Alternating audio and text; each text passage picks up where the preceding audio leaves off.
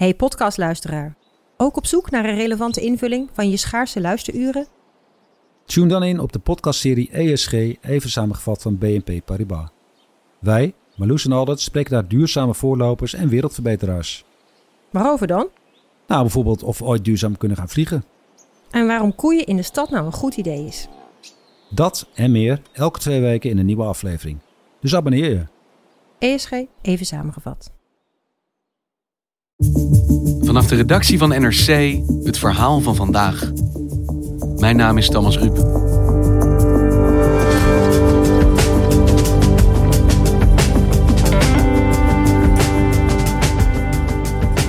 Victor Orban, Thierry Baudet en ruim 200 anderen verzamelden zich begin deze maand in een hotel in Rome.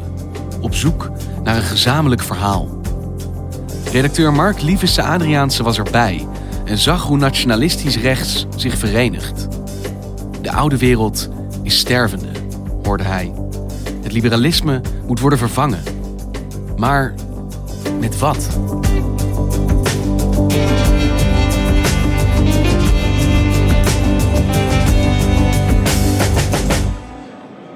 Hey Mark, je was in Rome afgelopen week. Wat deed je daar? Ik was er op een conferentie in het Grand Hotel Plaza. Het is een heel chic hotel in het centrum van Rome, in de buurt van het Forum Romanum. Je moet je voorstellen, uh, het is een, een neo-renaissancistisch hotel. Dus je hebt overal schilderijen met engelen, met, met goud beschilderde pilaren, houten lambriseringen en hele goede wijn bij de lunch. Wat was dit voor een evenement? Dit was georganiseerd door eigenlijk een heel breed scala aan rechtsconservatieve bewegingen en denktanks vooral. Afgelopen jaar hebben dezezelfde organisaties in Amerika al deze conferentie georganiseerd. Dat was een groot spektakel. Thank you, Rusty. Uh, Tucker Carlson was daar de bekende Fox-presentator. Let me tell you about woke politics. Allerlei personen die zich heel erg aan Trump verbonden hebben. Eigenlijk de top van de Amerikaanse conservatieve beweging. Datzelfde wilden ze nu proberen in Europa. De top van de rechtsnationalistische conservatieve beweging in Europa wil ze samenbrengen um, en zich laten verenigen.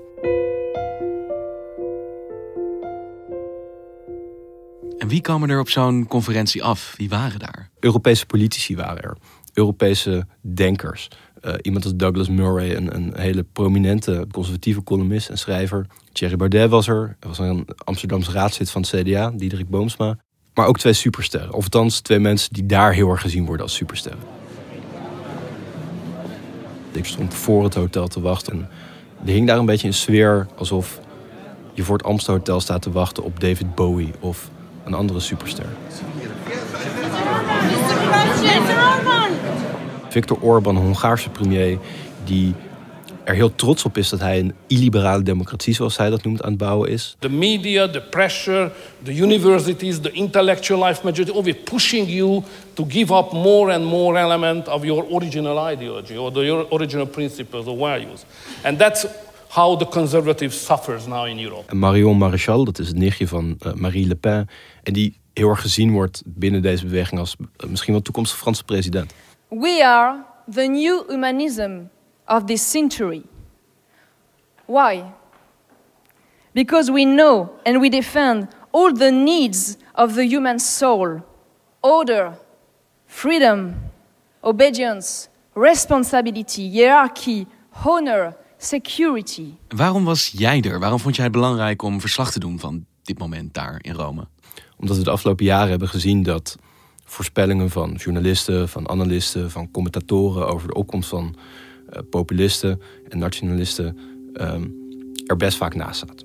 En deze beweging wil eigenlijk het succes van de afgelopen jaren permanent maken. Ze zien dat als het begin van een veel grotere strijd die ze de komende jaren moeten gaan voeren. Ik denk dat dat heel belangrijk is om daarbij te zijn, om daar verslag van te doen. Omdat, omdat zij een enorme uitdaging kunnen gaan vormen voor bestaande liberale politiek.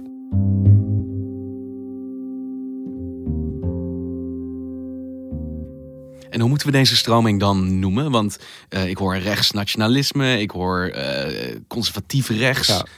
Ze noemen zichzelf nationaal conservatief. Ik heb een politicoloog gesproken, Sarah uh, de Lange, die werkt op de Universiteit van Amsterdam. Zij is gespecialiseerd in radicaal rechts en zij zegt: Dit is gewoon radicaal rechts. Het is eigenlijk een intellectuelere, acceptabelere term die ze zichzelf geven. En die ze ook gebruiken om meer legitimiteit te geven. Want dit is zo'n prachtig journalistiek mijnenveld van hoe benoem je iets. Uh, wat zijn dan hier de overwegingen? Waarom radicaal rechts? Um, omdat zij vaak antiliberaal democratisch zijn. Dus dat is het radicale element er wel in. Is een, een, een andere opvatting van democratie. Maar ook rechtsradicaal in de zin van nativistisch. Dus heel grote nadruk leggen op de natiestaat. Op de uh, onveranderlijkheid ook van grenzen. Van een bevolking, van een cultuur, van tradities. En de afgelopen decennia zouden al die voor deze mensen zeer belangrijke vormen van nationale cultuur onder aanval zijn gekomen door liberalen, door internationalisten, door mensen die denken dat de natiestaat uiteindelijk verdwijnt, door mensen die migranten naar Europa halen. En dat willen ze eigenlijk corrigeren. En als je die nationale orde, daar gaat het om orde, weer kunt herstellen, dan zullen mensen blijer zijn, uh, minder ontzield, is er meer hiërarchie in de samenleving, is de samenleving gelukkiger, beter, misschien ook rechtvaardiger, denken zij. Is dat een pleidooi tegen overkoepelende internationale instituties zoals VN, EU? Absoluut. Het is, een, het is een pleidooi tegen de Europese Unie. Het is een pleidooi tegen eigenlijk alles waarbij de natiestaat wordt ontstegen. Dus dan heb je de zuivere cultuur met een, een duidelijk stuk land, met duidelijke grenzen, met een duidelijke bevolking. En dat is het. Maar zij zien die gedachte als een vervanging niet een aanpassing, maar vervanging van het huidige systeem zoals we dat de afgelopen decennia met elkaar hebben ontworpen. Ja, dus globalisering en migratiestromen en het idee dat mensen behalve Nederlander ook Europeaan zijn of zelfs wereldburger. Nou, als je dat als je jezelf daar zou hebben voorgesteld als wereldburger, dan denk ik dat je eh, de zaal uitgebonjourd zou zijn. Daar geloven zij niet in. Ik sprak Douglas Murray, dat is de Britse conservatieve columnist. En hij noemde bijvoorbeeld Brexit. Which I, I consider to be a correction to an overreach of a form of international liberalism in recent years. Een uh, ideale correctie op dat liberale internationalisme. Maar hij zei, we hebben, we hebben uh, er was een discussie in het land, we hadden een referendum, mensen stemden om eruit te gaan en nu zijn we eruit. Perfect. En jij zegt Thierry Baudet was er ook als prominente Nederlander, denk ik dan. In hoeverre past hij dan in dit verhaal dat daar uitgedragen wordt? Dit is precies het verhaal waar hij al jaren op hamert. Waar hij boeken over heeft geschreven, waar hij, uh, wat eigenlijk het ideologische fundament van vorm van democratie is. En zo staan we hier vanavond, te elfder uren, letterlijk, te midden van de brokstukken van wat ooit de grootste en mooiste beschaving was die de wereld ooit heeft gekend. Nadat Baudet de uh, verkiezingen voor de Eerste Kamer en de Provinciale Staten won, gaf hij natuurlijk een speech waarin hij een verhaal hield dat voor heel veel kiezers eigenlijk een verrassing was.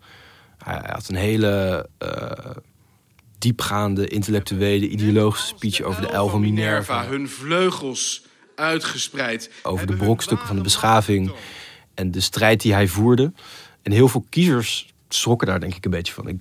Tegelijkertijd is dat wel het verhaal wat Baudet echt uh, wil vertellen. Wat hij al heel lang aan het bouwen is. En waarom hij in Rome was. Om dat verhaal verder te ontwikkelen. Dus die speech was niet een soort afwijking van zijn ideeën. Die speech was zijn idee. Dat is de kern van zijn, van zijn, van zijn opvattingen. Want vrienden, wij gaan met deze partij de trots van ons land herstellen. We gaan op deze rots gaan wij onze zuil bouwen. We gaan onze democratie herstellen. En vandaag, vandaag is de eerste grote veldslag gewonnen. Dankjewel.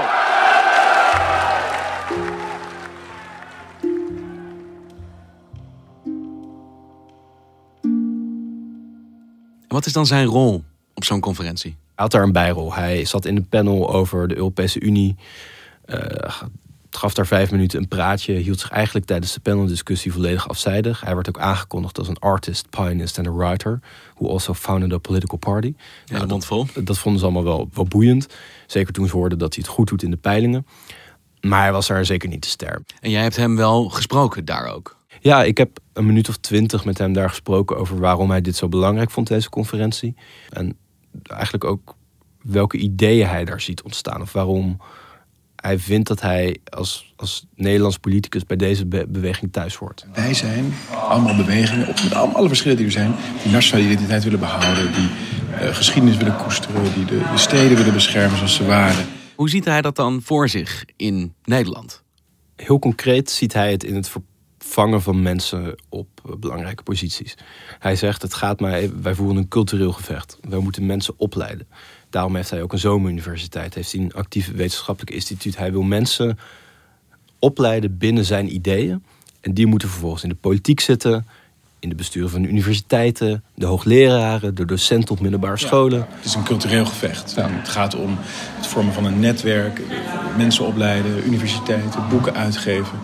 Die geleidelijk aan de, de huidige hegemonie kunnen vervangen of van koers doen veranderen. Mensen binnen eh, de media moeten zo gaan denken. En als zij op die manier zo denken, dan wordt dit gedachtegoed, dat nu eh, steeds meer naar de, de mainstream komt, moet dan echt de mainstream worden. Dus het gaat hem niet zozeer om, eh, en dat is denk ik echt de kern van zijn politiek en ook de kern van waarom hij best vaak misschien verkeerd begrepen wordt in Nederland. Het gaat hem niet om een motie aannemen of de grootste per se de grootste partij in de Tweede Kamer. Het gaat erom dat mensen gaan denken zoals hij denkt, zoals zijn partij denkt, zoals deze beweging denkt. En dat die ideeën eigenlijk heel vanzelfsprekend worden. Dat het van, dat vanzelfsprekendheid die er nu is van een liberaal internationalisme over tien of twintig jaar het nationaal conservatisme is. We hebben elkaar enorm uit elkaar laten spelen. Terwijl, nou, door uh, onze tegenstanders, zowel in de politiek als in de media als in de universiteiten. Is natuurlijk een dominante wereldvisie uh, die uh, haak staat op wat wij willen. Dus zo'n optreden in Rome is voor hem misschien ook belangrijker dan gezien worden in de Tweede Kamer. Absoluut. Tegelijkertijd met zijn speech in het panel was het vragenuur. Daar was hij niet. Uh, en ik geloof dat Geert Wilders toen niet zei van ja, hij moet gewoon in, in Nederland zijn. Hij is een Nederlands politicus tijdens het vragenuur. Dat hoort bij jouw taak als politicus. Maar hij zei nee, uh, voor mij is de kern van de politiek dat ik hier ben. Dat ik die strijd voer. En dat kan ik hier op dit moment beter doen dan in de Tweede Kamer tijdens het vraaguur. En hoe past Thierry Baudet dan daartussen, tussen die mensen die je daar hoort spreken? Hoe verhoudt hij zich bijvoorbeeld tot de grote ster daar, Viktor Orban, die nou ja, behoorlijk ver gaat in wat hij bereid is te doen om die orde omver te werpen? Dat heb ik hem ook gevraagd, omdat ik het frappant vond dat die ochtend sommige sprekers zeiden dat de Europese Unie of Europa nu met het liberalisme het ware totalitarisme is. Dat je niet meer zou kunnen zeggen wat je wilt. Ik vroeg Baudet, oké, uh, jullie hebben hier vandaag allemaal grote woorden over vrijheid, over academische vrijheid, vrijheid van meningsuiting. Hoe zit dat dan met Orbán? De enige politicus in Europa die een universiteit om ideologische redenen heeft gesloten is Viktor Orbán. De Centraal-Europese Universiteit in Budapest, die is opgericht door miljardair filantroop George Soros, moet het land uit. Zelf zegt de universiteit te voldoen aan de nieuwe Hongaarse onderwijswet. Maar toch geeft de regering geen toestemming om te blijven. En toen gaf hij eigenlijk een nogal verbazingwekkend antwoord. Ik ben niet genoeg op de hoogte van wat er in Hongarije gebeurd is om daarover Dat heb je eerder gezegd. Een half jaar geleden zei het ook.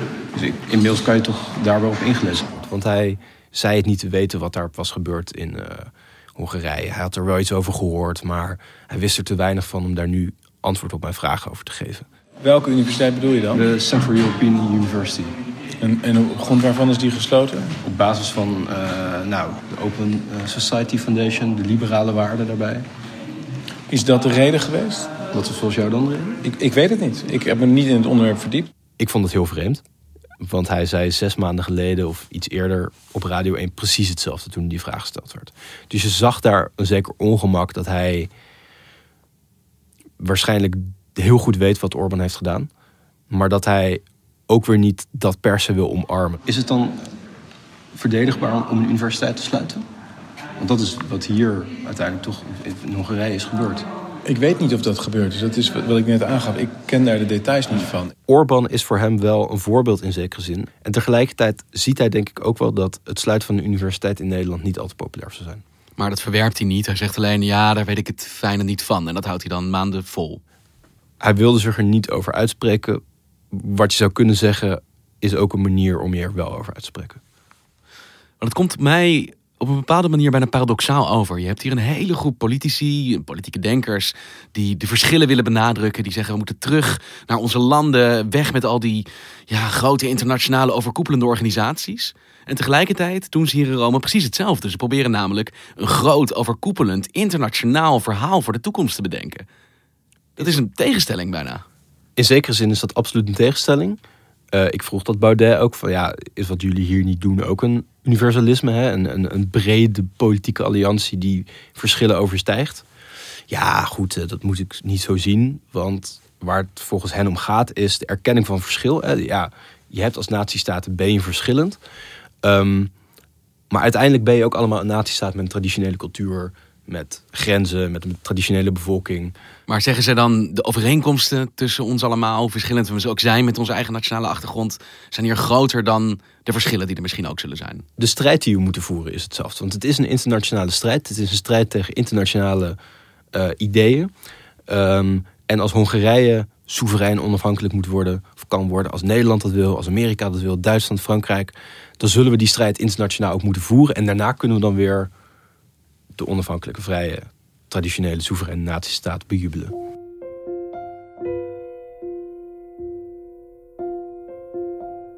En hoe succesvol kan dat worden, denk jij?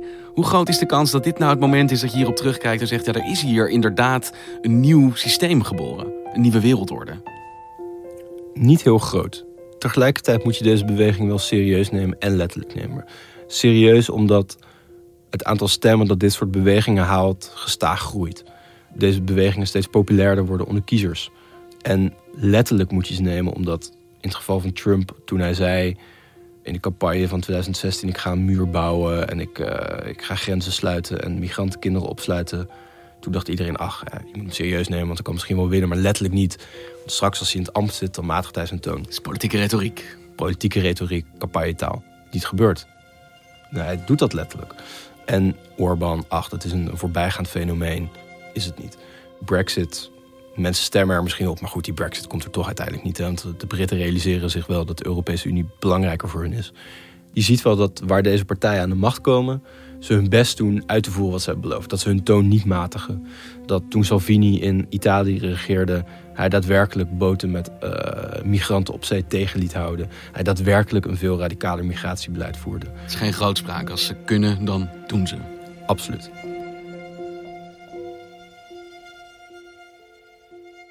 En wat is nu aan het einde van die conferentie dan eigenlijk de oogst? Ligt er een pamflet, een manifest? Zijn er ergens handtekeningen onder gezet? Nee, dat niet.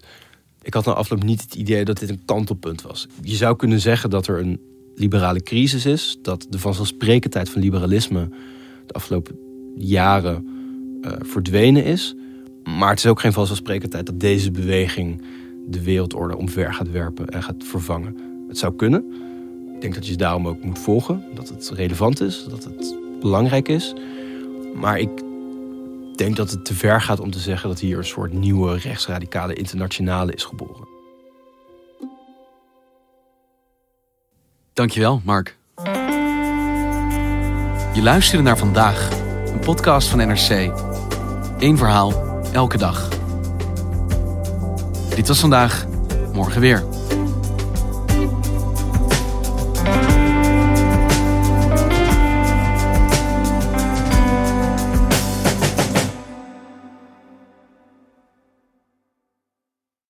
Technologie lijkt tegenwoordig het antwoord op iedere uitdaging. Bij PwC zien we dit anders. Als we de potentie van technologie willen benutten, kunnen we niet zonder een menselijk perspectief. Human-led, tech-powered noemen we dat. Ga naar pwc.nl.